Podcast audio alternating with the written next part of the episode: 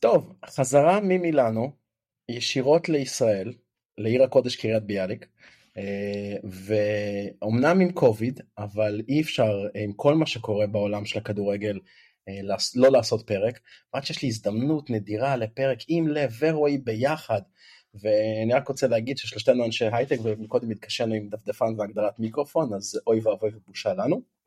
מה יש לנו היום בפרק? יש לנו היום בעיקר את הסיכום של שני המשחקים החוזרים בליגת האלופות, אה, כל מה שקרה אה, בין אינטר למילאן וכל מה שקרה בין אה, ריאל לסיטי ואפילו נדבר על הגמר ומה אנחנו חושבים שיהיה בגמר, כמה חד צדדי זה הולך להיות, ספוילר לפי דעתי לא, וזהו. עכשיו אני בדרך כלל אומר פתיח מתחילים אבל אני אתחיל את זה טיפה אחרת.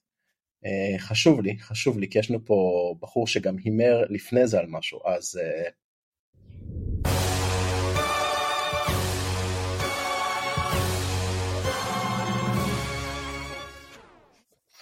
אז למי שלא שמע את זה בפעם ה-9,000 מיליון ושבע בארץ, אז uh, זאת הייתה זאת הייתה ה top 5 של uh, רועי. רועי, אתה רוצה להגיד לנו מילה שתיים על זה? אני אמרתי בכמה בכמה פרקים שיש שני דברים שאני בטוח בהם בחיים אחד זה שהפועל באר שבע לא תיקח אליפות צדקתי או לא צדקתי? באמת? צדקתי והשני זה שנועה תהיה לפחות top 5 צדקתי יפה תודה רבה שלום אני יכול לפרוש עכשיו בנחת. יפה, אז יש לנו פה מומחה לא רק לכדורגל, manager, fantasy and all things related to the ball, יש לנו אפילו מומחה לאירוויזיון, אז אם אתם שנה הבאה רוצים להמר על איזשהו שיר, תפנו לאדון טייב והוא ייתן לכם את ההימור, אולי תעשו מזה קצת כסף. זהו, עכשיו, אחרי הדבר הזה, פתיח. de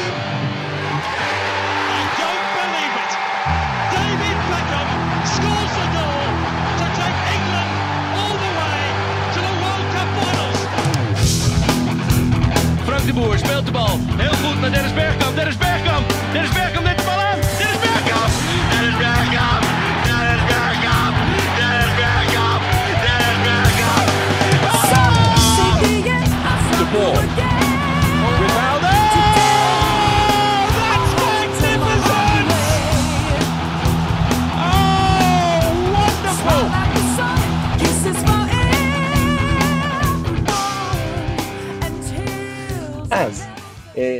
אחרי שמונה ימים ממילאנו אני כל כך שמח לחזור ולהקליט למרות שגם הקלטנו פרק ממילאנו וכמו שאמרתי בפתיח יש לנו את כל מה שקשור לליגת האלופות. אז אמ, בואו קצת קצת מבחינת התנאים שהגענו אליהם. אז באמת בשבוע הראשון Uh, המשחק היותר חד צדדי באופן מפתיע דווקא היה במילאנו ושם באמת אינטר השתוללה במחצית הראשונה על uh, מילאן בתוצאה שיכולה להיות 4-5-0 בקלות במחצית, נגמר רק 2, וזה הרגיש כמו משחק די גמור, ודווקא המשחק היותר, אה, המשחק השני הרגיש כמו איזושהי תקווה לעתיד, האחד אחד של ריאל, ריאל שהצליחה איכשהו לבלום את ההתקפה של הסיטי, וזה הרגיש אולי אולי פתוח לה, אה, להמשך, ואז הגענו לשבוע לאחר מכן, אינטר שיחקו הפעם בג'וזפה מיאצה, לא בסנסירו, ו... בהתחלה זה נראה אה, שקול, אבל אז מהר מאוד זה הפך ללא, והמשחק השני היה ממש לא שקול מהרגע הראשון. אה, בואו נתחיל כרונולוגית רגע, שנייה, לפני שאנחנו מתחילים. קודם כל, אהלן לב, מה קורה? ערב טוב, ברוך השב. מעולה, תודה רבה, תודה רבה. רועי, איזה כיף שאתה איתנו. אה, תודה, כיף גם לי, כיף גם לי, ואני חייב רק להגיד, מילו, שהתקנת, אמרת מקודם שחזרת ממילאנו לעיר הקודש קריית ביאליק, אז לא משנה מה היה לך במילאנו, אני בטוח שלא היה קניון כמו קריון קריית ביאליק. אני רוצה לספר לך שלא הייתי באף קניון, לא הייתי באף קניון במילאנו, אמ, העדפתי את המקומות הקטנים. תכלס, א' מה הטעם, ב' העדפתי את המקומות הקטנים והמקומות האלה של המאמה אין פאפה האלה של לאכול שם איזה פסטה ביתית תשמעו תענוג קיבלתי כמה המלצות נהדרות ועכשיו אני ספץ בכל מה שקשור למילאנו מי שטס דברו איתי אני אתן לכם את המקומות הכי שווים שיש. אמ, אז אז בואו בוא נתחיל שנייה רגע לדבר על המשחק הכרונולוגי בואו בוא נדבר שנייה רגע אה, רועי איך אתה ראית באמת את המשחק של אה, אינטר נגד מילאן הגומלין מה, מה היה ה vibe. אז אה, קודם כל טוב שאמרת שזה אינטר נגד מילאן בגלל שאתה אומר לי כרונולוגיה אבל כל הזמנים שלי כל כך השתבשו מאז הלידה של הטרמון שאני אפילו לא זוכר מה היה קודם, מה היה אחרי, אז uh, באמת אינטר נגד מילאן אני חושב שזה כמו שהדגשת, המשחק של, של ריאל נגד סיטי בעצם היה צפי שהוא יוכרע במשחק השני, לא משנה איך הוא הוכרע והכל תכף נגיע לזה, אבל במשחק הראשון אני חושב שמלכתחילה גם אינטר גם מילאן הגיעו שהעניינים הם די סגורים.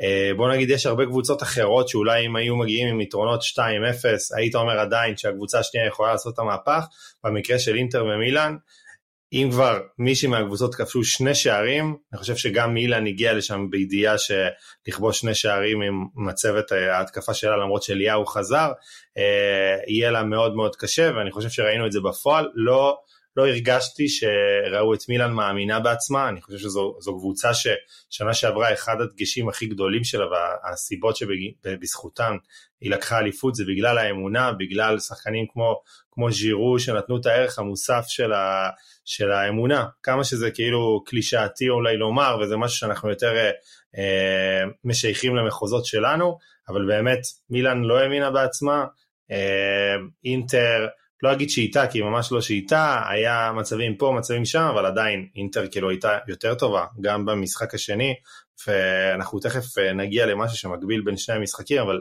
מי שבעצם היה מצטיין במשחק לפי, לפי דעתי זה מייק מניאן, אז ככה, אם ברגע שדבר כזה קורה, אני חושב שזה די ברור אה, לאן המשחק הזה היה הולך ולאן המשחק הזה באמת הלך, ושוב, לא ממש של צד אחד, אבל אינטר היו הרבה יותר טובים והפילו בזכות. אז לב אנחנו אני ואתה עשינו את הפרק שלנו דיברנו על שני המשחקים הראשונים וגם אתה הרגשת כמו רועי שזה באמת המשחק שכבר בגדול הוכרע בשלב הראשון או שאתה אמרת לעצמך אחרי שראית את המשחק הראשון ומה שהלך שם בעיקר לאור המחצית הדומיננטית הראשונה האם אמרת לעצמך באיזושהי קונסטלציה מסוימת יש סיכוי למילן לחזור עם לאהו וכל הדברים האלה או שגם אתה אמרת שהמשחק הזה כנראה לא הולך לאיזשהו מקום אה, של מהפך או איזה משהו דרמטי. סיכוי בכדורגל יש תמיד, או יש כמעט תמיד, אנחנו נדבר אחרי זה גם על הגמר, תמיד יש סיכוי. 2-0 באיצטדיון מצחיק, אבל זה איצטדיון הביתי של מילאן, זה בסדר, הם יודעים לשחק נגד אינטר. עם זאת, אז תמיד יש סיכוי, והם פתחו יחסית, אתה יודע, עם מצבים והכל, היו שם כמה צ'אנסים שפתאום, אתה יודע, לפעמים כדור כן נכנס במקום לא נכנס, כן הולך בזווית, עולה ויורד, זה גול, ואז אתה יודע איך המשחק מתפתח, אתה לא יודע איך המשחק מתפתח. עם זאת, אמרתי ש... גם בפעם הקודמת שאינטר נגד מילאן במשחק הראשון, או מילאן נגד אינטר במשחק הראשון ב-2-0, הרגיש כמו מילאן נגד טוטנאם. שאם אינטר צריכה שמילאן לא תיתן גול, היא לא תיתן גול. וככה זה היה מילאן נגד טוטנאם כשצפיתי ב-180 הדקות. אותו דבר יחסית כאן, היו מצבים למילאן, הם כן ניסו, עד שבשלב מסוים הם הפסיקו לנסות. והם הפסיקו לנסות כי הם התייאשו, והם התייאשו כי אינטר הצליחה לייאש אותם. אז זה לא היה באמת תכליתי, זה היה קרוב, אבל לא באמת קרוב.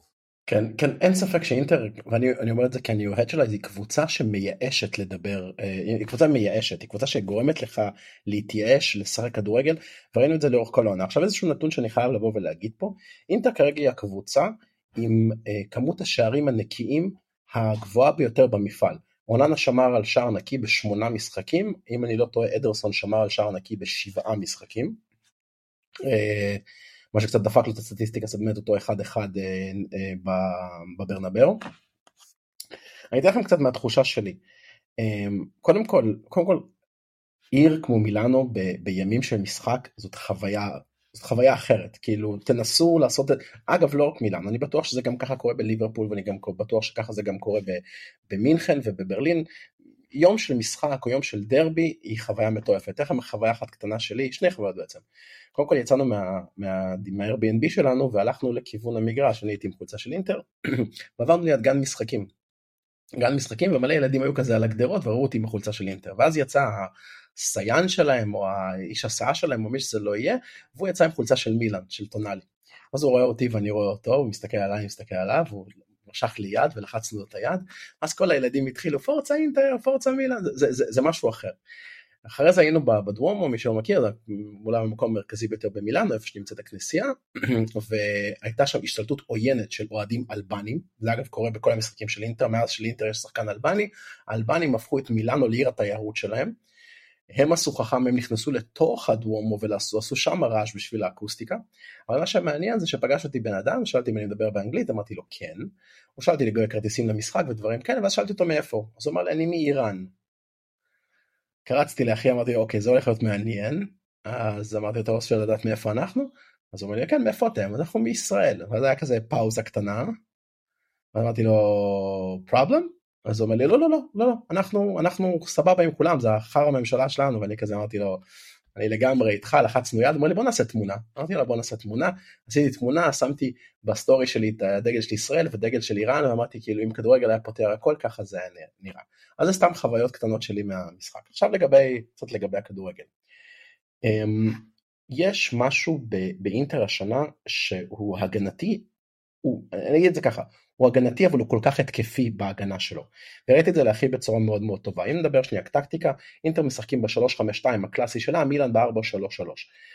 מה שאינטר עושה מצוין נגד המערך הזה שהיא שולחת את שני המגינים שלה גם את אה, דימרקו בצד אחד וגם את דמפריס בצד השני שולחת אותם מאוד מאוד גבוה אפילו מעבר לחצי של היריבה ללחוץ על המגינים. זה יוצר מצב במשחק הראשון הכלי היחיד שהיה למילן זה הטאו הרננדס פה גם היה אמ, וזה יוצר מצב שבו הם לוחצים על המגנים כל כך גבוה שהמגן צריך לעשות איזושהי פעולה ממש ממש ממש מורכבת מבחינת כדורגל כדי למצוא את האחד מהשלישייה הקדמית. וכשהיא מוצאת את השחקן הזה בדרך כלל השלישייה של הבלמים מתפרסת ואז בסטוני תופס שמאלה ודרמיאן תופס ימינה וממש הם סוגרים את זה. אחת מהסיבות למשל שאני לא רציתי לקבל את ריאל בגמר זה בגלל שלריאל יש שם דווקא היתרון הגדול ביותר שלה עם ויניסיוס ורודריגו בצדדים שממש יכלו לפגוע בהגמוניה ההגנתית של אינטר. מה לעשות שלאינטר, של למילן סליחה אין את היכולות האלה ואתה ראית בעצם את כל המשחק שלהם משותק בערך מהרגע הראשון ומה שאינטר מאוד עשו לאורך שני המשחקים זה לדחוף את תאו הרננדס כמה שיותר רחוק מי שרואה ליגה איטלקית רואה כמה תאו הרננדס זה שחקן מוביל כמה הוא דומיננטי כמה הפריצות שלו מהאגף שמאל מאוד מאוד מזכירות את מה שבייל היה עושה בטוטנה ממש מגן שתוקף ומשתתף הרבה ונכנס לאמצע ומוסר ובועט הוא שחקן סופר משמעותי ומה שאינטר עשו כאיזושהי החלטה לדחוק אותו כמה שיותר רחוק כמה שפחות לעבור את החצי וברגע שהוא עובר את החצי ישר הקבוצה מתנפלת. אתה לא יכול לשחק לאמצע כי באמצע כל הצפיפות עם ברלה ועם ברוזוביץ' ועם אכטריאן ועם הקאן ועם כולם. ו- ו- ובאמת למילן לא היה פתרון. עכשיו במשחק השני מילן ניסו תקפו קצת קצת התלהבות קצת הספארק הזה של ההתחלה. אני לא יודע אם יצא לכם לראות ראיתם את התמונה שהוציאו מילן אחרי ההפסד בליגה האחרון ראיתם את הדבר הזה? לא? אז מילאן הוציאו איזושהי תמונה אחרי הם הפסידו בליגה אמ, אני חושב שזה היה לקרמוננזה או משהו כזה ממש היה הפסד, הפסד לא, לא נעים בליגה בין שני המשחקים ויש תמונה שרצה ברשתות שהשחקנים שלהם ז'ירו ולאו ופיולי אה, הלכו ודיברו עם, הס... עם האוהדים ממש כאילו שיחה כזאת בין האולטרס שלהם וכאילו כאילו ההתחלה 20 דקות הראשונות הם כאילו ממש באו להראות כאילו הפקנו את הלקחים חטפנו את השטיפה ואת המקלחת הצוננת ממכם אנחנו נבוא ואנחנו נראה ואנחנו נתקוף ונתקוף טוב וההתלהבות הזאת של ההתחלה האקסטרה ריצה האקסטרה אדרנלין קצת נתנו להם כביכול לשלוט אבל איך שהדבר הזה נרגע זה כמו כמו איזה נפץ כזה זה. כל כך שהדבר הזה נהיה תיאט נרגע אז אינטר התחילו חזרה להשתלט על העמדות חזרה לשלוט באמצע חזרה להניע את הכדור דרך ברלה ואז הג'וקר מבחינת אינזאגי היה להכניס את לוקאקו ולסגור את המשחק אחרי זה עם שער של אה, לאוטארו. זה באמת כמו שאתה אמרת רועי פחות נראה כמו משהו שהיה יותר מדי תחרותי. ואם אני שנייה מסתכל ברמת מקרו מי האמין בכלל שאינטר תגיע לשלב הזה? מי האמין שאינטר תגיע לגמר ליגת האלופות? זאת אומרת אה, זה, זה משהו שהוא, שהוא, שהוא בעיניי אה, הוא לא הוא לא, לא, לא נתפס, הוא, הוא, כשראיתי את ההגרלה של הבתים שאינטר קיבלו את ביירן וברצלונה באותו בית, אמרתי אנחנו כנראה לא נעלה מהבית הזה, the best we can do, מקום שלישי וללכת לאירופה. והנה מפה לשם, עם הגרלה יחסית נוחה בשמינית, ואז יחס, הגרלה קשה שהפתיעה את כולם ברבע, והגרלה של דרבי בחצי, מפה לשם פתאום אינטר חוזרת לגמר. אה, ומי ציפה? לב, אה, אתה רוצה להגיד? אנחנו, אני קצת מקדים, אנחנו נדבר על זה אחרי זה, כשאנחנו נדבר על הגמר עצמו, אבל זה בדיוק, זה אחד היתרונות של אינטר, אף אחד לא ציפה. וכשאף אחד לא מצפה, אתה משחק עם פחות לחץ על הכתפיים. רועי, שלך משהו? איך אתה ראית את זה? אתה ציפית? אה, לא, ממש לא, אה, אתה יודע גם, אה, אנחנו דיברנו עוד מהשלב של השמינית גמר, אני כל שלב שאינטר עוברת אני מאוד מאוד מופתע. כי אני לא רואה ממנה גדולות ונצורות, אני גם חושב שיש לה את אחד המאמנים הכי פחות טובים בטופ, אוקיי? אה, אני באופן אישי חושב שפיולי לצורך העניין הוא מאמן הרבה הרבה הרבה הרבה יותר טוב מסימון אינזאגי ולא בגלל אה, הוותק אלא באמת כי ככה אני רואה את זה וככה ראיתי את השיטתיות גם כשסימון אימן את לאציו וגם לפני אבל אבל עוד פעם עובדתית אני חושב שאינטר מפתיע את כולם אינטר עושה אה, מסע מדהים, ואתה יודע, זה לא משנה שבשמינית הייתה הגרלה קלה, ובסוף ברבע, אתה יודע, בנפיקה אה, הייתה אמורה להיות הגרלה מאוד מאוד קשה, איכשהו התבררה כהגרלה לא כל כך קשה, או שאינטר פשוט עשתה, עשתה את זה לא כל כך קשה, בגלל, אה, בגלל היכולת המפתיעה והטובה מאוד שלה. אה, בסוף, היא לא הייתה באף שלב אה, הקבוצה הפחות טובה שעברה או גנבה, היא הייתה דומיננטית. היא הצדיקה ב-180 דקות של כל שלב, היא הצדיקה את היותה בגמר. אה, אני שוב, אנחנו, אנחנו ניגע בגמר, אבל אני לא רואה איך קבוצה כזאת מצליחה לעמוד מול מנצ'סטר סיטי האימתנית, אה, ועדיין, לך תדע, היופי של אינטר העונה זה שהיא מפתיעה את כולם, ואולי היא תפתיע אותי גם, גם בגמר.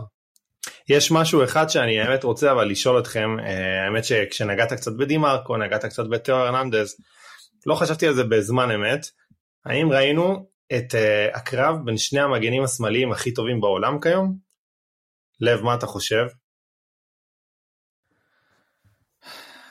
אני חושב שבמובן הזה, אני, אתם מדברים יפה על כדורגל איטלקי, אבל אני חושב שהפרמייר ליג, ואני לחלוטין, אה, לחלוטין לחלוטין אה, משוחד כאן, אני חושב שגם למצוא את השחקן הטוב בדרך כלל בעולם, גם לפי עמדה, זה ללכת לאנגליה, לצערי. אני מסכים, דרך אגב, דימרקו הוא, הוא, הוא מדהים, תיאו הרננדז נותן את ה... נותן את ה...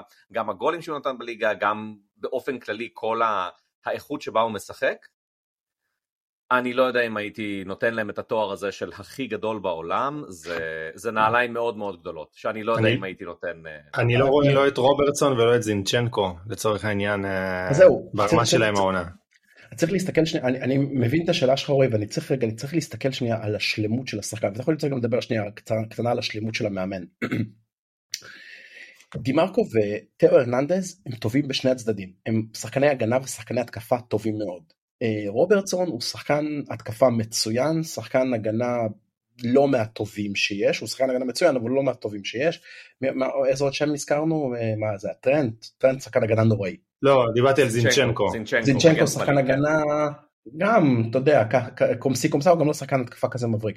אני חושב שקודם כל דימרקו הוא לפי דעתי הוא אחד השחקנים הכי underrated שקיימים היום בכדורגל, אבל יש פה סיבה, הסיבה היא איך דימרקו בכלל הגיע, מי שדימרקו גדל במחלקות הנוער של אינטר מגיל 7 ואז הוא יצא לסריה בלתי נגמרת של השאלות, היה שם אה, אמפולי והיה שם סיון בשוויץ שהוא פתח כמה משחקים שבר את הרגל ואז חזר, היה שם פרמה, פרמה אגב הוא הושאל לפרמה עם אופציה לרכישה, כלומר פרמה יכלו לרכוש אותו וויתרו.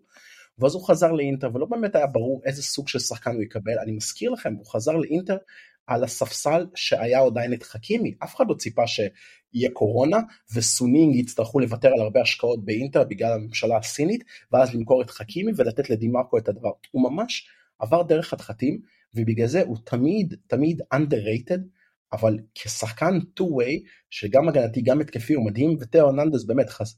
כמה שהוא משחק בקבוצה היריבה העירונית שלי אה, הוא, הוא באמת הוא באמת שחקן שלם. הוא שחקן שלם מכל כך הרבה צדדים מכל כך הרבה כיוונים.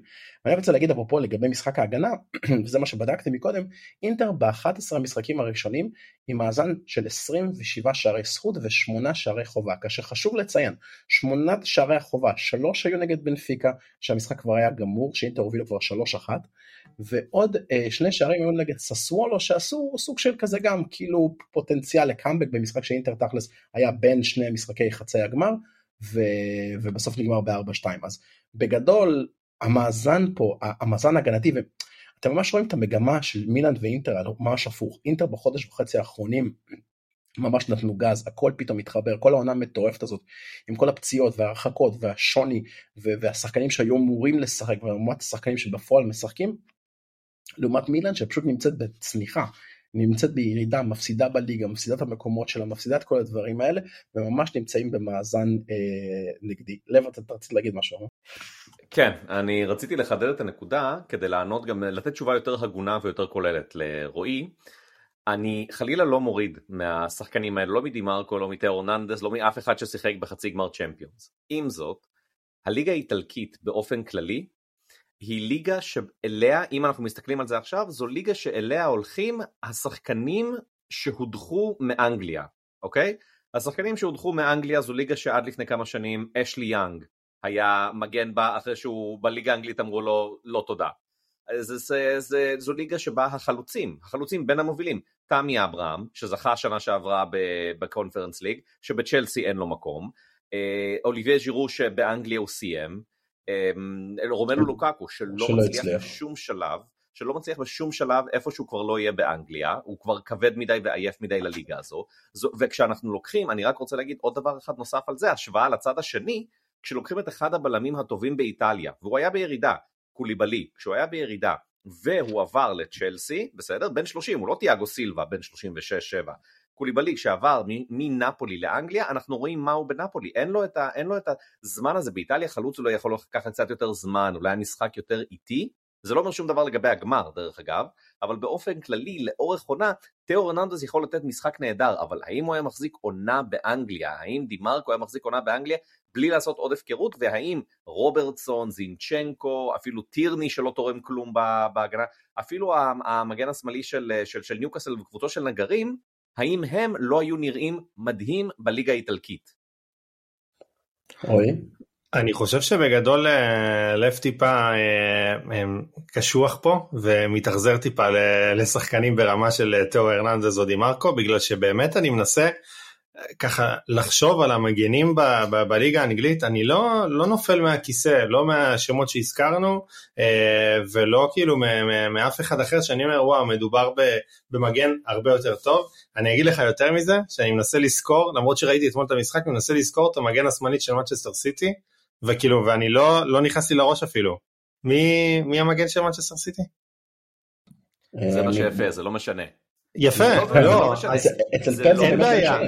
אבל בסדר, כי פפ משחק במערך 1, 2, 3, 4, 1 כזה, לא משנה, אבל 18. אתה, אתה מבין, כן, אבל אתה מבין, זה כאילו, אני חושב ש, שברמה הזאת, אני מסכים שרוב השחקנים הכי טובים בעולם הם שחקנים בפרמייר ליג, אבל אתה לא יכול להגיד ששחקנים ברמה הזאת הם שחקנים שלא היו מצליחים בפרמייר ליג. אה, אני יכול להגיד לך בתור מישהו שלקח בפוטבול מנג'ר את ניוקאסל, לקח את תיאו הרננדז והצלחתי איתו הרבה, אבל, אה, אבל ברצינות, אינדיקציה מצוינת, אני חייב להגיד. כן, אני, אני באמת חושב שיש שחקנים מעולים שמשחקים מחוץ, שאם הם היו משחקים בפרמייר ליג, יכול להיות שהם היו צריכים לשפר את הרמה שלהם, כי, וכרגע הם לא צריכים, אבל הם היו עושים את זה ו- ו- והיו עושים לב סטפ לפני- אפ. כן. ואני רק אגיד דבר אחרון, שלב הזכרת, הזכרת את תמי אברהם, זה עשה לי חשק לשתות מים, כאילו תמיד זה תמי אברהם, תמי ארבע, זה כזה תמי תמיד. מתערבב לי. סבבה, בסדר, אני. חייב להגיד לפני שאתה מתייחס, אני חושב שאתה צודק בהרבה דברים, יש פה פשוט משהו בשני השחקנים האלה ספציפית, בטלר אורננדס ובדימרקו, ברמה הפיזיולוגית שלהם, גם חשוב לציין, אלה שני שחקנים שהם בנויים מאוד כמעט לכל ליגה, הם שחקנים שלא לוקים לא במהירות ולא בפיזיות, אני רואה לגמרי את דימרקו עושה עונה מדהימה באנגליה בכל קבוצה, ואני רואה את טאו אורננדס הופך להיות אולי אחד המגינים הטובים ביותר באנגליה אם הוא יגיע לשם, אה, משלמים מספיק כסף במילאן כדי שזה לא יקרה, אבל אני, המקרו שלך בעיניי הוא נכון. ההבדל בין סוגי הליגות, המהירות אה, תגובה, או מה שאתה צריך בשביל להצליח בליגות האלה, הוא לגמרי, אני לגמרי בצד שלך. ספציפית שני השחקנים האלה, מסוג השחקנים שהם, ולפחות אחד מהם אני עוקב אחריו בערך מאז שהוא היה ילד צעיר, אה, הם כן מתאימים לרמה הזאת, זוהי דעתי במקרה הזה.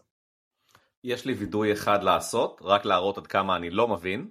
שנה שעברה, בטח כשהתחילה ליגת הפנטזי, אני אמרתי ודיברתי בריש גלי, אמרתי, מה זה הלנד, מה זה הליגה הגרמנית, הוא לא יצליח באנגליה, לא, זה ליגה שגם דבור, מונס דבור כובש בה, אין סיכוי, באנגליה הוא יהיה פלופ.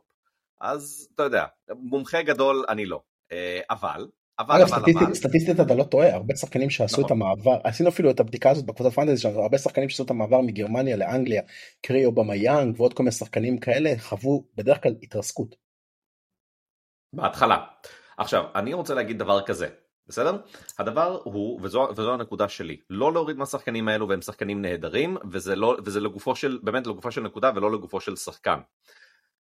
היו אומרים על מסי בזמנו, וזה באמת בזמנו זה ב- לפני 15 שנים בערך, היו אומרים כן אבל could he do it on a cold night in Stoke, האם on a cold Tuesday night in Stoke, האם הוא היה יכול לעשות את זה ביום שלישי גשום בסטוק, של סטוק זה, זה איצטדיון שגם קשה לשחק בו וסגנון משחק מגעיל והכל.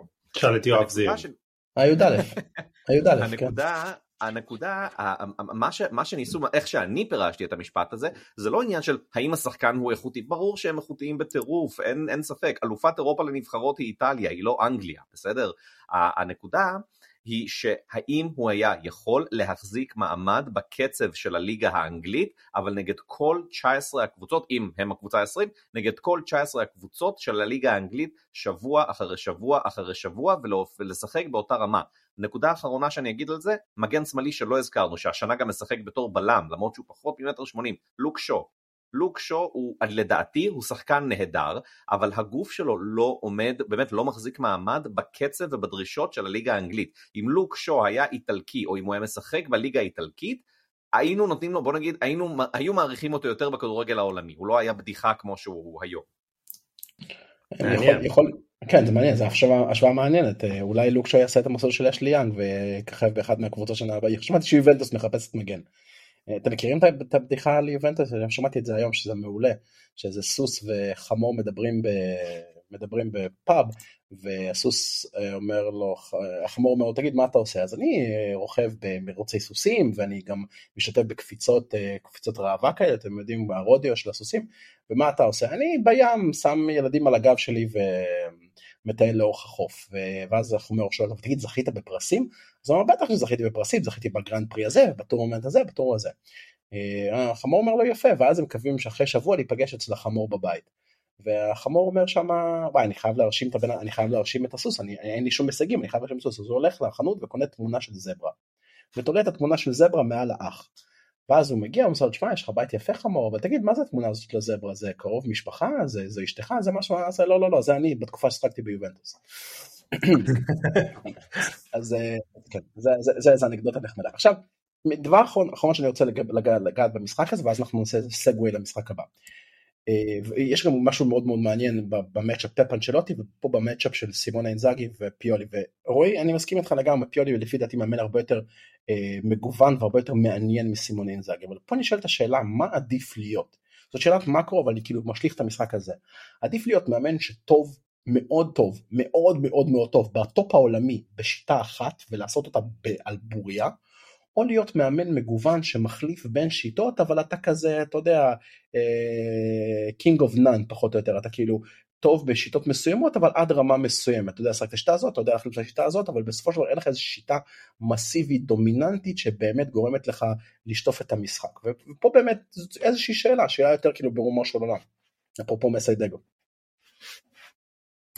אני רק, רק אתייחס ואני אגיד שאני חושב שלאורך זמן נראה לי שהתשובה הזאת כן מקבלת, אה, אה, שהשאלה הזאת, סליחה, מקבלת תשובה די ברורה, כי תראה מאמנים כמו פפו, כמו אנצ'לוטי עם פרגמטיות מחשבתית, לעומת אנטוניו קונטה, שכאילו בזמן האחרון הורס כל מה שהוא נוגע על 352 שהוא... אז, אבל, אבל אתה יודע, אה, אבל אוקיי, קח את זה מילוש, מה שנקרא. לב, אתה חושב אחרת או שאתה מסכים בנושא הזה? אני מאוד מסכים ולכן מחאתי כפיים פה כשהייתי במיוט. מאוד מסכים רועי וזו בדיוק הדוגמה שחשבתי עליה אנטוניו קונטה בדיוק. כן. אגב אפרופו דיברנו על הפער בין איטליה לאנגליה יש פה באמת פער, גם פער מחשבתי אה, כזה. אני לגמרי אגב פיולי היה באינטר כן? פיולי היה באינטר בעונות לא טובות עם קבוצה לא טובה ולא הצליח וזה זה בסדר גמור. וסימון אינזאגי באמת באמת ממקסם. סימון אינזאגי זה האליניב ברדה של איטליה הוא באמת ממקסם את מה שהוא יכול מהקבוצה הזאת בפער קלימלה ולוקאקו זה סתם די די משהו עכשיו בוא נעבור רגע למשחק השני. אז באמת אינטר ככה בגמר וכל איטליה וכל מילאנו לפחות באמת חגגו את זה לתוך הלילה ואז יום למחרת אני הייתי באוויר וראיתי את המשחק דרך הטלפון ו... הייתה באמת שאלה כמה ריאל יכולה להחזיק במנצ'סטר וכמה באמת סיטי קבוצה ביתית, ל, ל, ל, ל, כמה הביתיות שלה היא באמת פקטור שהיה צריך להשפיע ולא השפיע במשחק הראשון.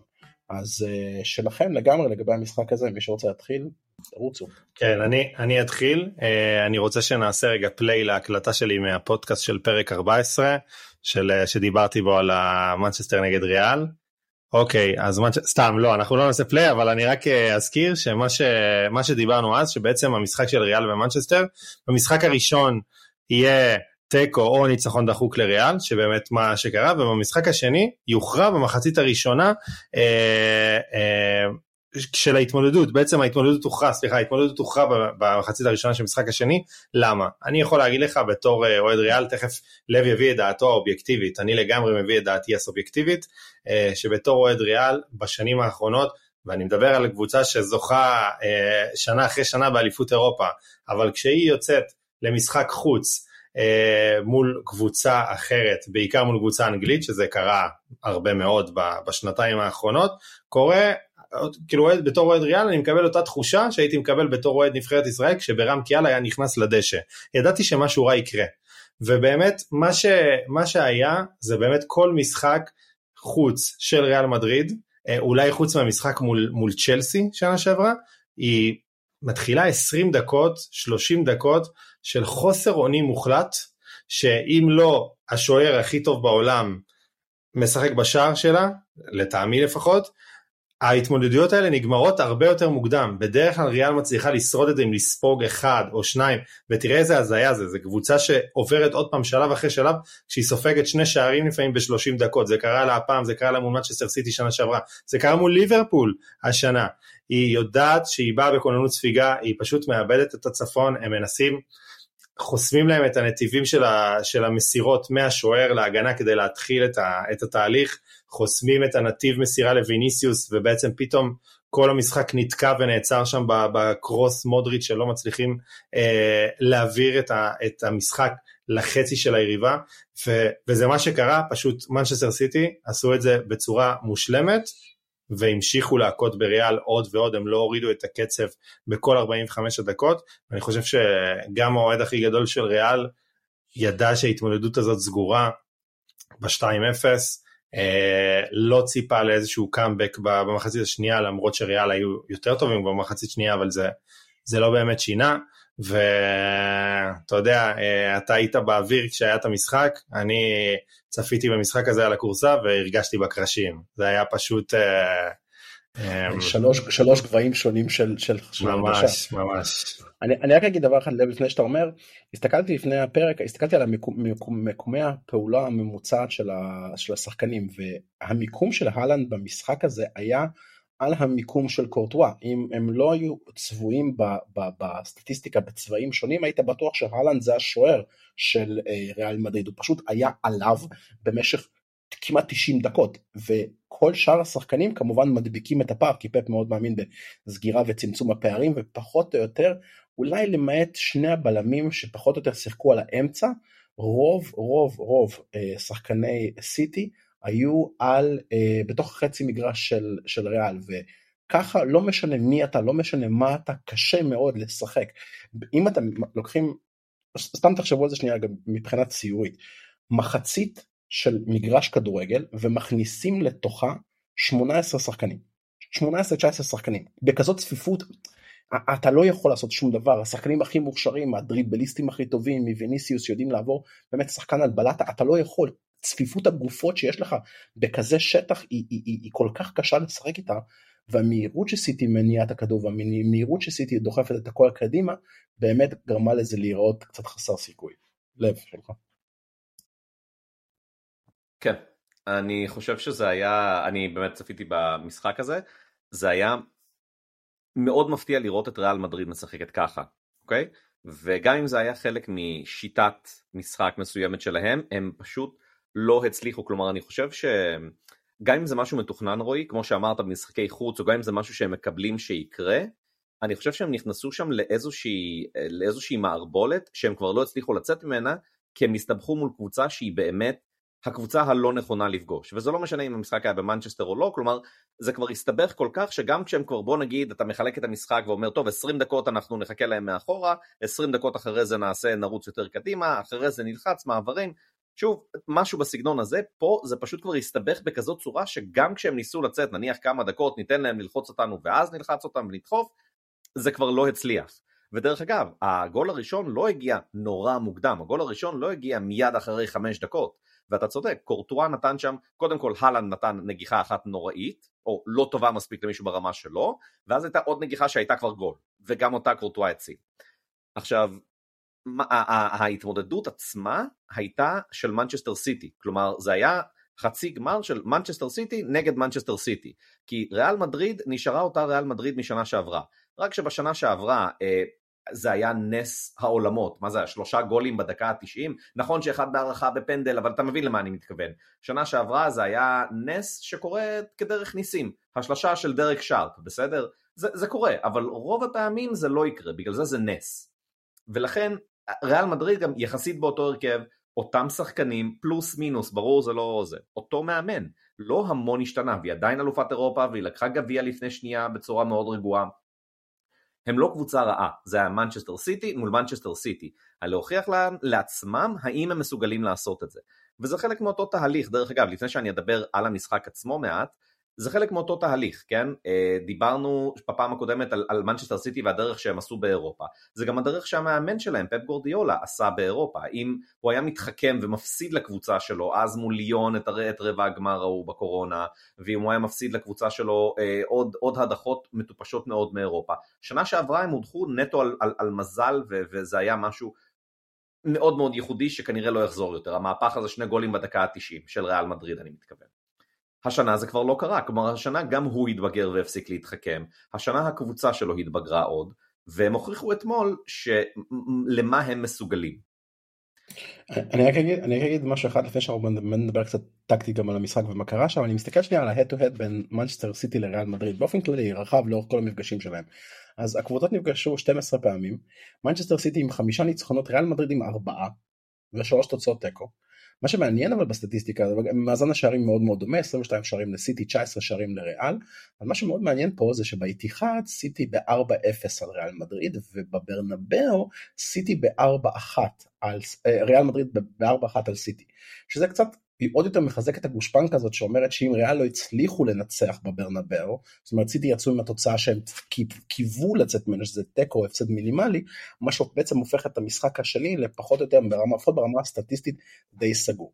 Uh, עכשיו רואים מבחינת המשחק עצמו, אה, ועוד דבר אחד חשוב להגיד, אה, אתם יודעים מה, אני רוצה משהו לדבר לגבי המשך, המשך ריאל מדריד ומה המשחק הזה עושה לעונה הבאה, אבל מבחינת המשחק עצמו רואים, מה, מה באמת היה שם מבחינת שנייה, לפ... שנייה לפני שאני מתייחס למשחק יש שני דברים פשוט שאמרתם שאני מאוד מאוד רוצה להגיב. אחד זה מה שהזכרת עכשיו מבחינת סטטיסטיקה שאני חושב שלמרות ביטול שער החוץ וכאלה תראה איזה משמעות יש לזה שאתה משחק משחק שני בבית. מנצ'סטר סיטי עשו השנה מה שריאל עשו שנה שעברה, באמת להעביר את ההכרעה הביתה. הם שיחקו במטרה להעביר את ההכרעה, זה מה שריאל עשו אז, זה מה שמנצ'סטר סיטי עשו עכשיו, וזה עבד להם. נכון שכמו שלב אמר היה אלמנט מאוד מאוד מזליקי שנה שעברה עם ריאל, ואם אנחנו, אם תשים לב, בחמש שנים האחרונות הם נפגשו ארבע פעמים, ו, וכמעט תמיד מנצ'סטר סיטי ידעה הייתה, לא, אולי, אולי בעצם זה יצא שוויון, כי היה את, החצי גמר ההוא עם ה-0-0 ו-1-0 לריאל, ואחר כך היה את ה... אה, לב הזכיר את ההדחה של מנצ'סטר סיטי מול ליון, שלב לפני, מנצ'סטר סיטי היו מאוד דומיננטים, דומיננטים מול ריאל מדריד והדיחו את ריאל, אה, ושנה שעברה שהיה מה שהיה, אה, אז אז לכאורה זה מאוד מאוד צמוד, אבל אתה רואה כמה משמעות יש לעובדה שהמשחק המכריע בבית. אה, אגב, אמרת, אמרת שבאמת, אה, לב אמר את זה, שאחת ההתבגרויות שסיטי למדה לעשות בעונה הזאת, זה מה שאנחנו קוראים בשפת השכונה לשחק על תוצאה. קבוצות של פאפ ובאופן כללי סיטי זה לא קבוצה שמשחקת על תוצאה זה איזושהי בגרות מנטלית של קבוצה שיודעת לבוא וסוג של לכפות את הרצון ואת הטמפו שלה על המשחק כדי להשיג תוצאה ספציפית שהיא לאו דווקא ניצחון ואז להעביר את המשחק הלאה.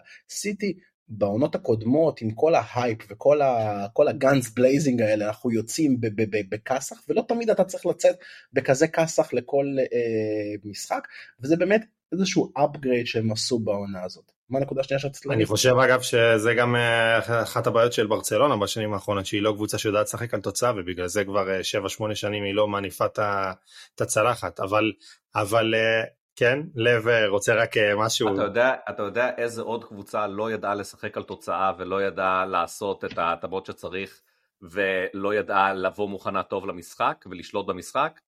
ריאל מדריד אתמול. נכון, הוא אבל... פשוט אה, הלך- הוא פשוט הלך לה לאיבוד.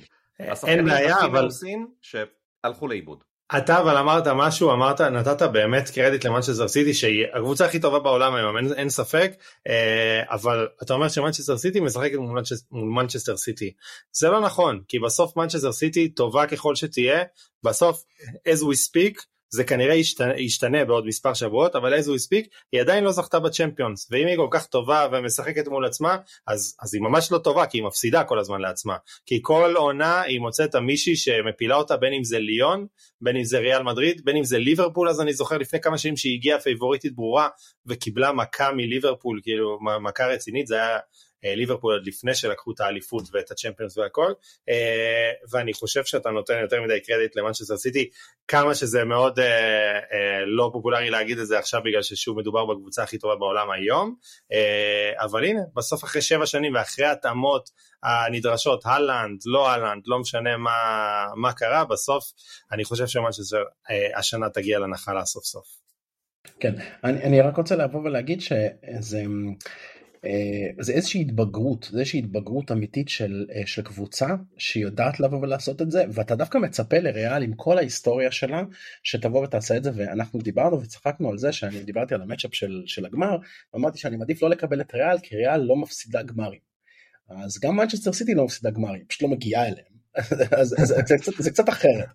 היא מגיעה לאחד, כן, אני יודע, צ'לסי אה. הפסידה שם בגמר, אז ברור, טוחל יושב על צידנית, לא זוכרים את המשחק הזה. אתה- יודע למה? בגלל ששם כן לב אמר, אה, מה שלב אמר, שהיא שיחקה נגד עצמה, כי פפ שיחק נגד עצמו והחליט להתחכם, ובוא נעלה כן. בלי קשר אחורי לגמר, כן, זה הגיוני. כן. בסדר, אתה יודע, זה, זה, זה ה over חוכם לפעמים ש, שמאמנים מהסוג של פפ יודעים לעשות. אני לגמרי מצפה לאיזושהי התחכמות אה, סטייל פפ בגמר, ולכן אני כן יותר, קצת יותר אופטימי, אבל תכף אנחנו נדבר על זה.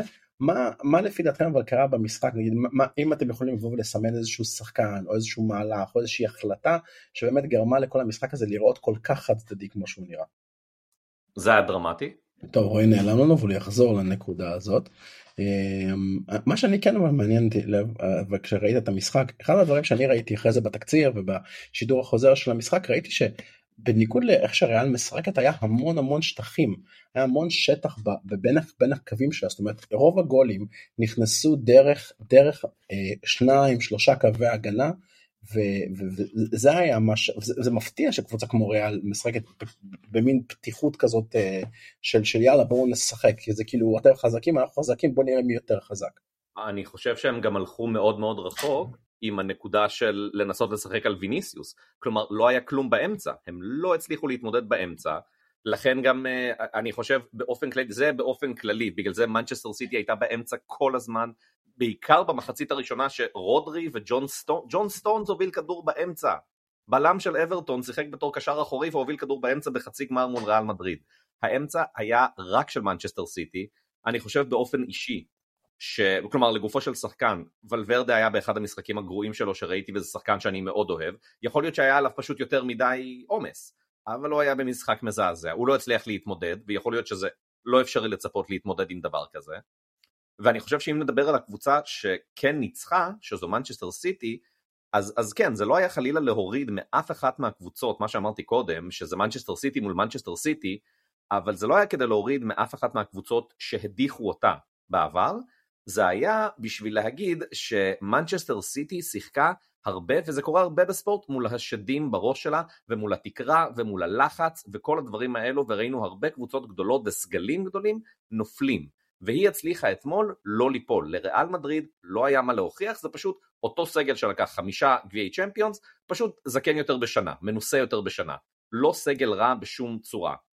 כן, תסיים את הנקודה שלך, דיברת על ויניסיוס, אבל אם נקטעת באמצע אז תסיים את הסגל שלך. אה, לא, אז נראה לי שהעברתי את הנקודה, באמת כאילו, שאף כדור לא הצליח להגיע לויניסיוס, ואני חושב שחלק מהלמה זה קרה, לב נגע במשחק הנפל של ולוורדה, אני חושב שאנצ'לוטי, אתה יודע, יש, יש לו המון המון קרדיט אצל אוהדי ריאל, אולי פחות אצל פלורנטינו, נדע בסוף העונה, אבל הוא עלה אתמול בהרכב שהוא טיפה, אה, דיברתם על over חוכם, אבל אולי זה יותר בקטע של אה, גאוותן, לעלות עם הרכב התקפי כזה, כמו בבית, שרודריגו בימין וולברדה באמצע, במקום לשים את רודיגר אה, על חשבון, על חשבון אלאבה באמצע ולהזיז את אלאבה אה, שמאלה ולתת לוולברדה לשחק בימין וקמבינגה יצטרף לקישור בעצם, הרכב שהוא הרבה יותר הגנתי, הרכב שהוא הרבה יותר מחזיק בכדור, מה שהיה מאוד חסר לריאל, הרכב שהוא, שוב, כמו שלב אמר, לשחק על תוצאה, אה, אני חושב שאולי אולי העניין, התוצאה הייתה שונה,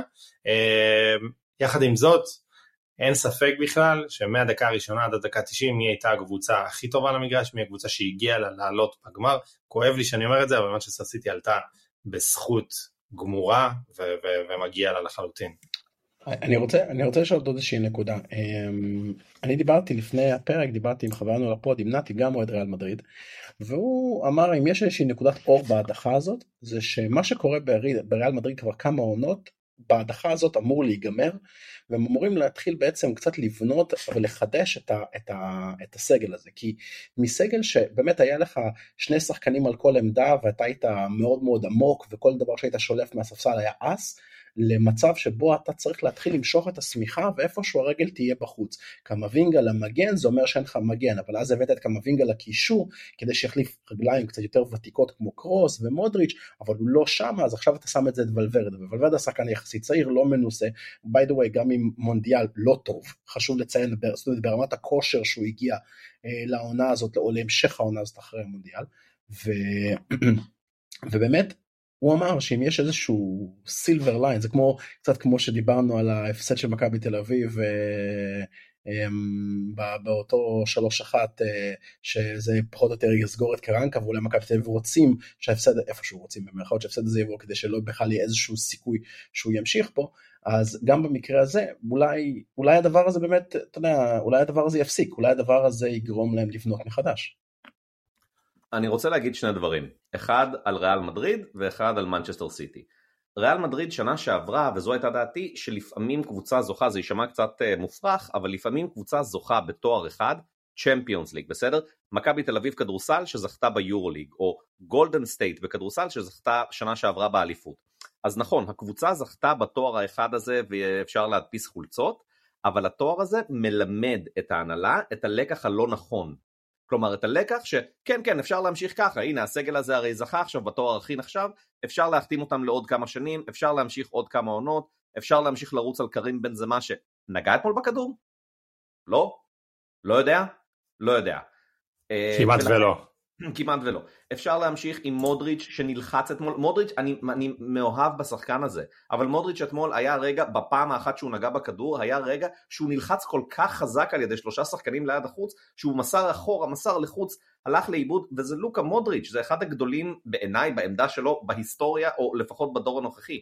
כלומר, הזכייה בצ'מפיונס שנה שעברה נתנה להם את הפרס הלא נכון. זה קרה, אני שוב, אני אוהד מכבי תל אביב גם בכדורגל, גם בכדורסל, הזכייה ההיא ביורוליג לפני תשע שנים, מכבי תל אביב משלמת עליה את המחיר עדיין עם עשור אבוד. גולדן סטייט, עם זה שהם האריכו חוזים לזה, לג'ורדן פול והכל וכל הדברים בסגנון הזה, הם ישלמו את הלקח הזה והם לא יגיעו עוד הרבה זמן. אני חושב שהם כבר משלמים. אני חושב שהם כבר משלמים.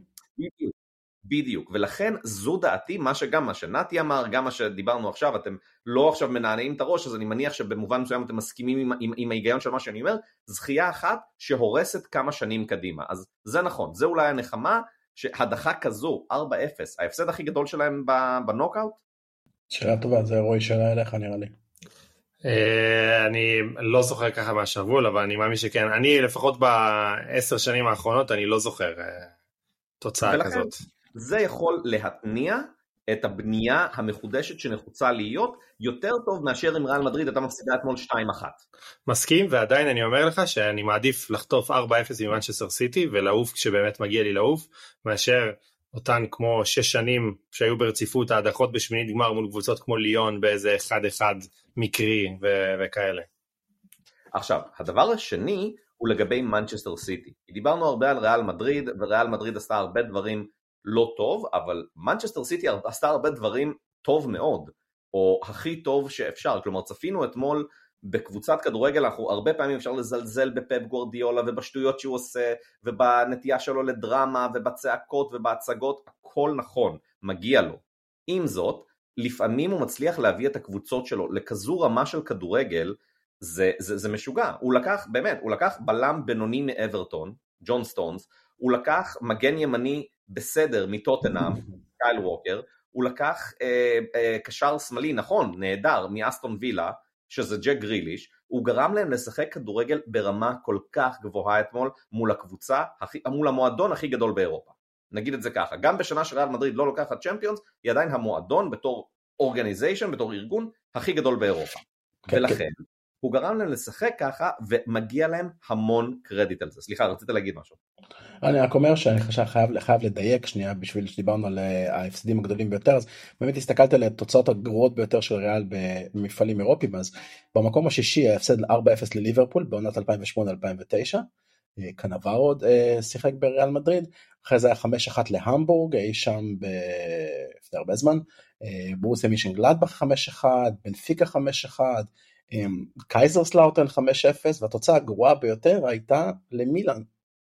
דווקא למילאן 5-0 באותה קבוצה ב-88-89 הגרנדה מילאן של חוליט רייקארד וזה היה ההפסד הגדול ביותר של ריאל מדריד בליגת האלופות אז לא ההפסד הגדול ביותר אבל לגמרי נכנס לטופ 12 ההפסדים הגדולים ביותר טופ אפילו 7 ההפסדים הגדולים ביותר של ריאל מדריד אה, במפעלים האירופיים אז, אז זה, זה מכונן. עכשיו אני רק אשאל את רועי שאלה אחת אחרונה לפני שאנחנו ניגע בגמר. רועי אתה גם אתה מתחבר לנושא הזה של הבנייה מחדש? האם התוצאה הזאת היא זאת שתוליד את הבנייה מחדש או המועדון יותר מדי מקובע במה שכרגע כאילו עובד למרות שזה לא עבד בליגה וזה גם הדיח אותם מאירופה ולא יעשו את המהפכה הנדרשת בקיץ. אני גם דיברתי אתמול האמת אה, עם עוד אוהד ריאל על הנושא הזה באמת מה הדבר שהוא אמר לי זה, זה לפחות יגרום לפלורנטינו לפתוח את הארנק. אז uh, לגמרי וכשהמחליפים שלך זה, זה אסנסיו ודני סביוס uh, אני חושב שזה די ברור שחייבים חייבים חייבים עוד שחקנים. ללב יש פינה מיוחדת לדני סביוס בלב. נכון מאוד נכון מאוד כן. כן, אני לא בטוח שהיא פינה חמה, לא בטוח שהיא פינה חמה בלב, זה נראה לי כמו, נראה לי כמו הטירה של אלזה שיש לו בלב שם בשביל דני סביו, זה טירה של לא קרן. טוב, אז בואו בוא נתקדם שנייה רגע עם הדבר האחרון, אנחנו רוצים שנייה רגע לדבר על הגמר. אז באמת הגמר, סיטי מגיע עם כל ההייפ, עם באמת הקבוצה הטובה ביותר בעולם היום, לאינטר. אמ, אני, אני תוהה אם אני אתחיל עם ה take שלי כאוהד אינטר, או אני אתחיל עם ה take שלי? אוקיי, אז אני רציתי את סיטי בגמר אני רציתי את סיטי בגמר כי לפי דעתי יש matchup יותר טוב בין סיטי לאינטר. גם בשתי, בשני שני אופנים. קודם כל באמת אינטר זה קבוצה שיודעת לייאש קבוצה. באמת לייאש. אני לא חושב שעם כל הכבוד להגנות בליגה האנגלית ועם כל הכבוד גם למה שסיטי פגשה עד עכשיו היא לא פגשה הגנה כל כך קשוחה וכל כך מייאשת כמו אינטר. אינטר גם היא קבוצה לא נעים לבוא ולהגיד את זה אבל היא יודעת להיכנס לחולצה שלך היא יודעת לי מה שאני קורא לו אפקט גיא פניני. היא יודעת אה, להיכנס לתוך ה... אה, לעצבים שלך ושחקנים כמו ברלה ושחקנים כמו אקן וברוזוביץ' יודעים שהם אתה יודע נכנסים וקשה וקשה מאוד מאוד לשחק נגדם זה דבר ראשון. דבר שני אמ, ברמת המצ'אפים בחוליות אוקיי אם אינטר חזקה התקפית וסיטי ואתה לב פירטת את סוג השחקני הגנה שיש לסיטי. יהיה להם קצת יותר קשה להתמודד עם הפיזיות שיש ללוקאקו וג'קו. אמ, ריאל מדריד יכולה להציג רודיגר ויכולה להציג מיליטאו. תגידו מה תגידו על השחקנים האלה אבל הם שחקנים בעלי פיזיות ניכרת והם יכולים לעצור לתת איזשהו מאץ' פיזי לשחקנים הפיזיים של אינטר.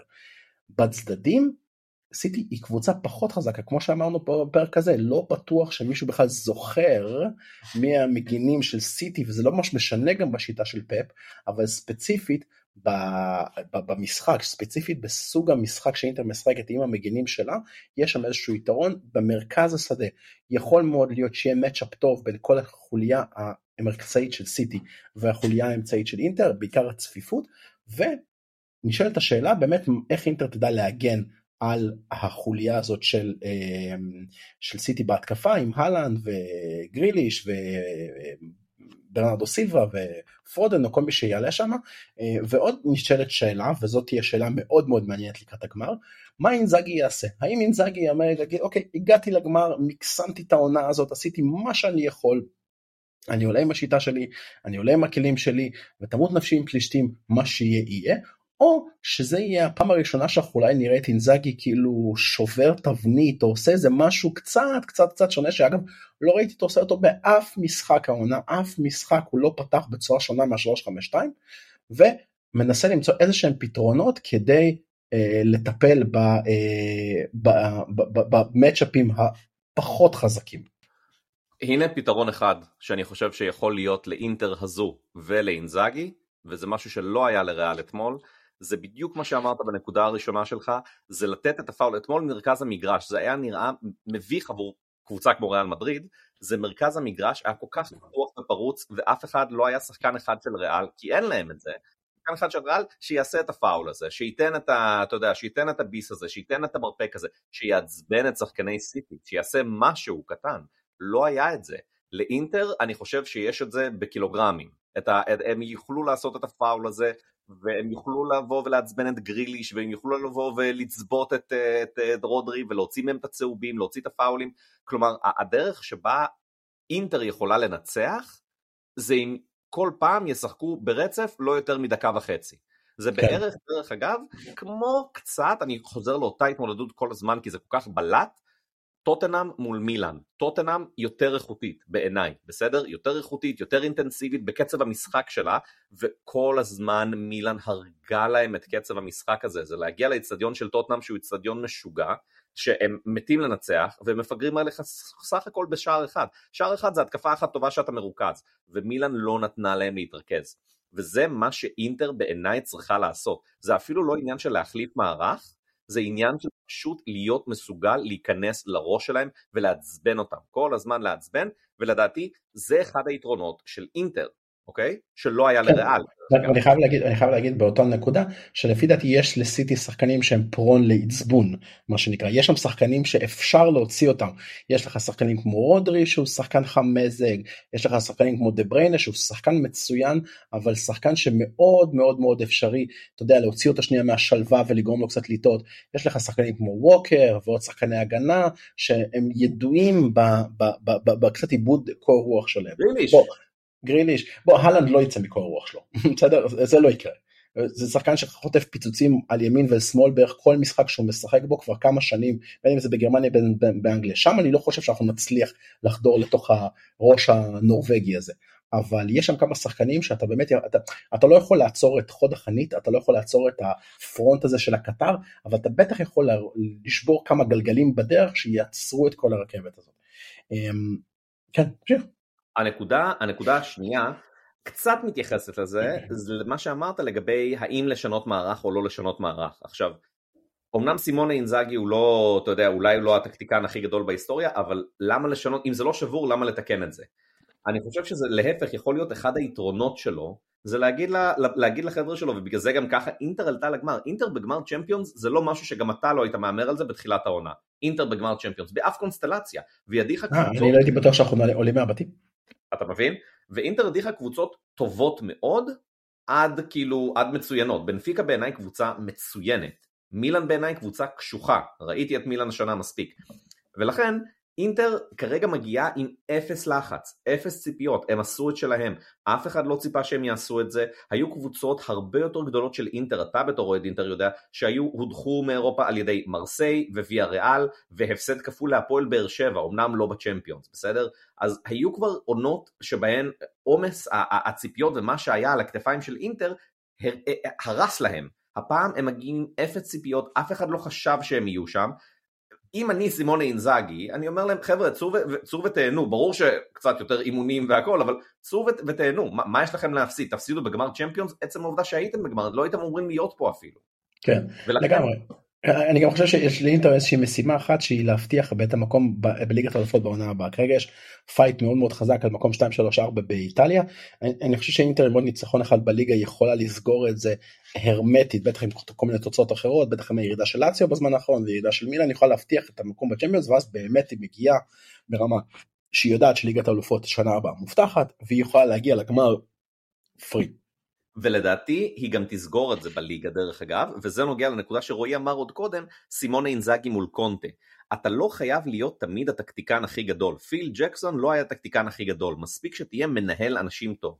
וזה משהו שכנראה או שסימונה אינזאגי הבין, או מישהו בצוות שלו, אינטר נכנסה למומנטום. אמרת את זה גם בפרק הקודם, היו שם כמה רצפים שהיה רצף של אה, גם הפסדים ומשחקים מאוד מביכים, ואז פתאום אינטר נכנסה לכזה רצף של לי אין ספק שאינטר כן תעלה לצ'מפיונס שנה הבאה ועוד יכולה לסיים, יכולה לסיים מקום שני, אני לא טועה. היא יכולה לסיים מקום שני, כן, חד משמעית. אתה מבין? ולכן אני חושב שאינטר תעשה את זה. עם זאת, בגמר, אלה, אלה, אלה הדברים שעובדים לזכות אינטר, דבר נוסף שבעיניי עובד בזכות, לזכות אינטר זה ההיסטוריה, כשאתה מסתכל על, על השחקנים של, של אינטר אה, חוגגים, אתה רואה ביציע את מה? את וסלי סניידר, שלחו ליציע של האוהדים, את וסלי סניידר ואת אה, מרקו מטרצי, נכון? כשאתה כן. מסתכל על השחקנים של מנצ'סטר סיטי חוגגים, אתה רואה את מייקה ריצ'ארדס, ואתה רואה את uh, ניקי וויבר, זה השוער שלהם, ואת אייל ברקוביץ', בסדר? אז יפה. גם לזה יש איזושהי עוצמה, אבל אלה היתרונות של אינטר. הם לא יתרונות גדולים, אבל הם יתרונות. היתרונות של... הם לא יתרונות, אתה אומר את זה בדיוק כך כמו שאני חושב, אלה לא יתרונות גדולים, אבל אלה יתרונות שבדרך כלל מנצחים גמר. זה בדיוק הנקודה. בסדרה אני לא חושב שיש לנו איזשהו סיכוי נגד סיטי. בסדרה של כמה משחקים, בסדרה של טוב מחמש, טוב משמונה, זה סביר להניח נגמר 4-1, 4-2, ללא יותר מדי מאמץ. cruise control של הקבוצה החזקה ביותר בעולם, חד משמעית. אבל דווקא, דווקא הדברים האלה, קצב המשחק, העצבים של המשחק, עצם העובדה שאתה יודע שהשעון מתקתק, אתה יודע, מקבוצה כמו סיטי, עם כל העוצמה וכל הכוח שלה, עוברים חמש דקות והיא לא הבקיעה, עוברים עשר דקות, עוברים, עוברת חצי שעה ואתה מתחיל להיכנס רגע של fucking מה הולך פה, אנחנו הקבוצה הטובה יותר, איך יכול להיות שאנחנו לא ב-1-0, והדברים מתחילים להיות יותר קשים, יותר מורכבים, גמרים, בוא, אני זוכר את הגמר הזה שבאמת אה, ריאל הגיע נגד ליברפול, לא הגמר שסאלח אה, נפצע סלש פצעו אותו, כל אחד יראה את זה איך שהוא רוצה, אה, אלא דווקא הגמר לאחר מכן שליברפול הגיעו חזקים, עוצמתיים, קבוצה הרבה יותר טובה מריאל מדריד, וקורטוואי משחק ענק, אבל גם ליברפול במשחק הזה עוברים, עובר זמן, עובר זמן, עובר זמן, ואתה רואה את השחקנים נהיים יותר ויותר מיואשים, וסאלח ופרמינו נהיים יותר ויותר מיואשים, וגם בנקודה הזאת אני כבר ראיתי גם את סיטי העונה. ראינו אותה גם בליגה האנגלית, בשלבים מסוימים היא מתחילה קצת לאבד את זה, מתחילה להתייאש. ו- ואתה יודע, ושאלת השאלות um, היא האם אתה באמת מוכן להמר פה את הימור ההימורים שסיטי לא תיקח את זה. לא, לא. היתרונות של אינטר בגמר גביע האלופות בכדורגל, גמר ליגת האלופות בכדורגל, היתרונות של אינטר הם בהכל חוץ מכדורגל. אני מוכן לקבל את זה.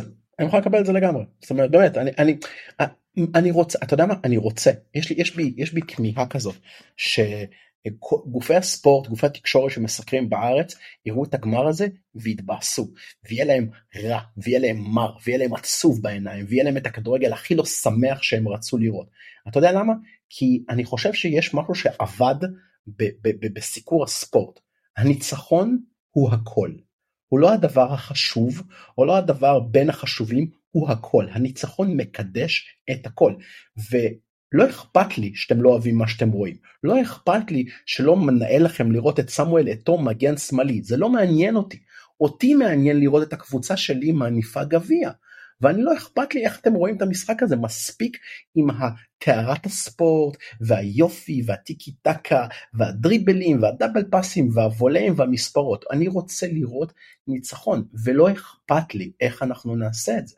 לא, באמת זה לא מעניין אותי קשה, קשה לי אתה יודע קשה לי לכמת את זה במילים זה כל כך לא מעניין אותי זה לא הכדורגל שאני גדלתי עליו. אני גדלתי על כדורגל שהוא כדורגל תחרותי כדורגל ווינרי. אתה מכיר את השחקנים האלה שמשחקים בדשא ושחקן מהיריבה שלך נופל ושחקן בקבוצה שלך בא לתת לו יד והוא בא ומעיף לך את היד ואומר לך אל תיתן לו את היד זה השחקנים שאני גדלתי עליהם. מספיק זה ספורט תחרותי.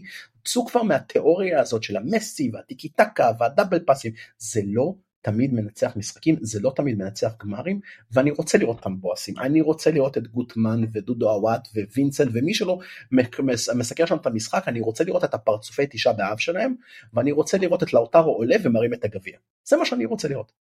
אני נכון אני מדבר כאוהד אבל אני גם מדבר כאוהד ספורט שמבין שזה לא משחקים בחצר זה לא חברי זה לא חברות יש פה יוקרה יש פה fucking ליגת האלופות.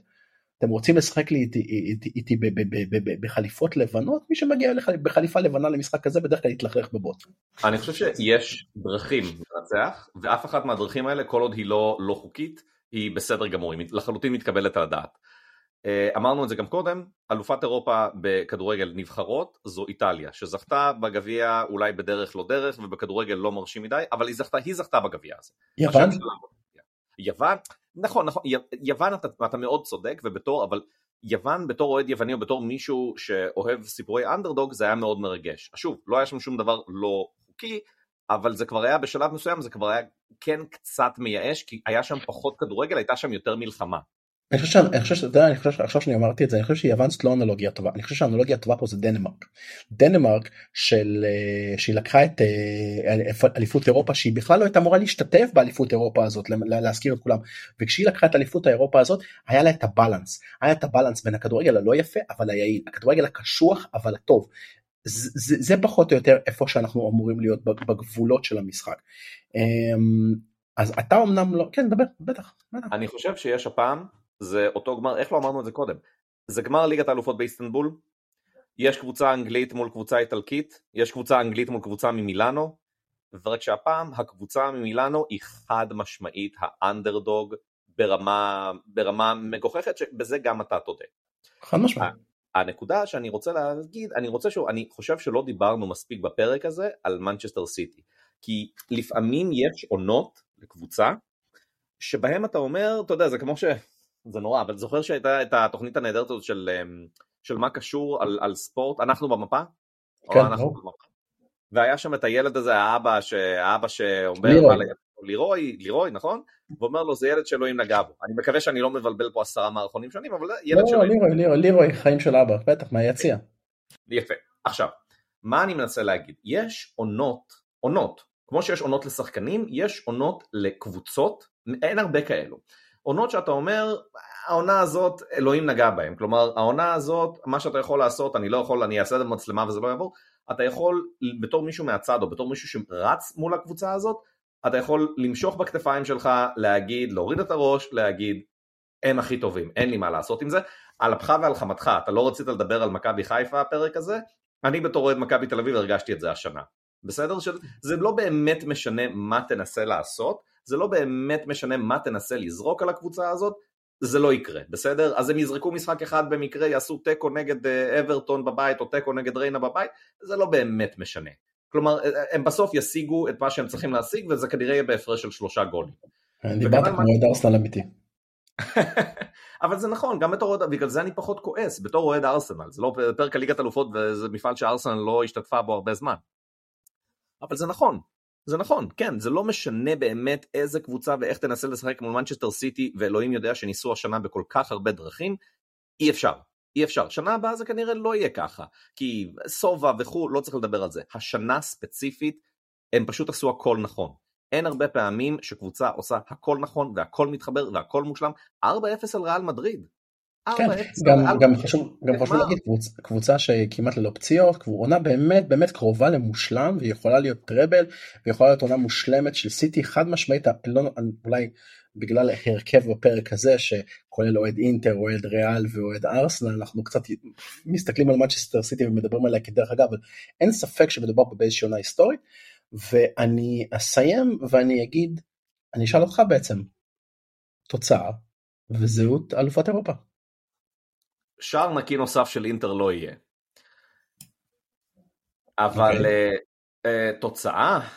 האם יש שער נקי של, אה, סיטי? לא בהכרח, לא, לא בהכרח, לא בהכרח. אוקיי. אז אני, אני, אני מבין שאתה הולך לכיו- לכיווני ה-2-1-3-1 אה, סיטי, זה הכיוון שלך בטח. כן, שלוש אחת. שלוש אחת שלוש סיטי, אחת. אולי אפילו... כן, שלוש. כי אינטר קשוחה, אני לא חושב שאינטר תהיה קבוצה שתתפרק. כלומר, להתפרע פה ולהגיד 4-0, 5-1, אני לא חושב שזה יקרה. גם אם יהיה 3-1, גם אם יהיה 3-0 דקה 20, זה לא ייגמר בשבע. בסדר? לא, זה לא קבוצה. בדיוק. לא. ולכן, 3-1 הייתי אומר, כן, זה זה בעיניי. אני תוהה לעצמי לפני שאני אומר האם אתה מצליח לנחש את, התוצאה שאני הולך להגיד. כן, יש לי שני ניחושים, מותר לי? אוקיי. או 0-0 ופנדלים. או בסדר, אז, אה, אז הייתי אומר 1-0 אינטר. בדיוק, בדיוק. אני רואה את המשחק הזה אה, עם משחק מאוד מאוד מאוד קשוח. אני רואה את המשחק הזה עם שער מוקדם של אינטר. שער מוקדם של אינטר. מה שאומר שמבחינתי זה לאבד כמה שנים בחיים אה, לאורך כל המשחק. אבל אני חושב שאם אינטר תצליח ותזכה להפקיע ראשונה, בדיוק אגב כמו שקרה במשחק נגד מילאן במשחק הראשון, אני חושב שהאיכויות שדיברנו עליהן ייתנו ווליום יותר גבוה. הטיימינג של המשחק, ככל שהדקות נוקפות, עכשיו אני דיברנו על ככל שהדקות נוקפות והמצב הוא 0-0 ולא הפקעת בתור הקבוצה, אבל ככל שהדקות נוקפות ואתה בפיגור, ואתה רואה שזה בעצם one stop, כאילו פה, אין, פה הדבר הזה נגמר, אין כאילו redo, אני חושב שזה באמת הולך להיות משחק של 1-0, אני חושב שזה הולך להיות משחק של של, של אינטר. נכון, אני מדבר פה כאוהד, אבל האוהד הזה גם אמר שאנחנו נגיע לחצי גמר שראה את ההגרלה נגד בנפיקה, ונכון שגם אחרי הדרבי אמרתי שאינטר תהיה בגמר, ואני נשאר עם הקבוצה אמנם שלי, אבל אני עדיין נשאר עם הרומנטיקה האיטלקית, ואתה יודע מה, ואני אסיים בעוד משפט אחד ואני אגיד. אני אוהב את הרומנטיקה בכדורגל. יש משהו בעיניי ושאני לא אוהב ואני מאוד מאוד מתחבר להרבה מאוד אוהדים אני חושב שזה הדעה הרווחת אני חושב שפה אני לא בדעת מיעוט. אנחנו כאוהדים לא אוהבים את הכסף, אנחנו לא אוהבים קבוצות שקונות תארים, אנחנו לא אוהבים, קבוצ... לא אוהבים קבוצות שהבעלים שלהם רואים את זה כאיזשהו משחק שמבחינתנו זה הלב והנשמה, אנחנו מדממים למען הקבוצות, אנחנו מאבדים שנים מהחיים שלנו ומבחינתם זה כזה צעצוע נחמד לשחק איתו ולזרוק אותו, אותו אחרי כמה שנים. אני לא אוהב את החדירה של הכסף, אני לא אוהב את מה שזה עושה לה, את החוסר תחרותיות של אה, הכדורגל. אני מאוד מאוד מקווה שכד... שהכדורגל העולמי ילמד קצת יותר מהספורט האמריקאי באספקט הזה של שמירה על תחרותיות ולא... ואי יצירת קבוצות דומיננטיות ושושלות וכל מיני דברים כאלה. ואני מאוד אוהב את הרומנטיקה ואין יותר רומנטי מאיטלקי איטלקי זה רומנטיקה זה זה זה זה האוכל זה המוזיקה זה הצבע זה האוהדים זה הכל זה רומנטי זה יפה אנחנו מעלים דגלי פריסה ענקיים על כל המגרש וסיטי מנופנפת בדגלים שלהם לאורך כל המגרש. כל הכבוד לכם על הדגלים, אני אוהב את הרומנטיקה, אני אוהב את הכדורגל האיטלקי, אני איטליופיל וזה ידוע, ויש משהו שאני אני, אני רוצה להתרגש, אבל אני רוצה לחזור ל-2010, אני רוצה לחזור לאינטר הנחותה, יש לציין, הנחותה נגד ביירן מינכן, ביירן מינכן של הרובן ושל כל השחקנים ששיחקו אז באות, באותה תקופה ואינטר באה ועושה 2-0 ועם דייגו מליטו הנסיך אני רוצה להתרגש אני רוצה את הרומנטיקה הזאת אחרי שראיתי אליפות עם חיפה השנה אחרי שהייתי במילאנו פעמיים אחרי שראיתי כוכב שלישי אחרי כל הדברים האלה אני רוצה להתרגש פעם אחת בעונה הזאת ואני רוצה להתרגש בגמר. ו- וזה ה-50 סנט שלי בנושא הזה. אנחנו אני חושב שאנחנו נסיים בנקודה הזאת לב תודה רבה רועי ירד לנו בגלל uh, קשיי uh, אינטרנט סלאש דפדפן סלאש אבהות צעירה. עצב מאתמול, בוא נקרא ליד בשמו. כי אתה חושב? אוקיי, אוקיי, קיבלתי את זה. אה, אולי זה גם הסיבה שנתי לא איתנו בפרק הזה היום, למרות שהוא אמר שהוא באימון קרוספיט. אבל אוקיי, בסדר גמור. אנחנו מודים לכם מאוד על ההקשבה.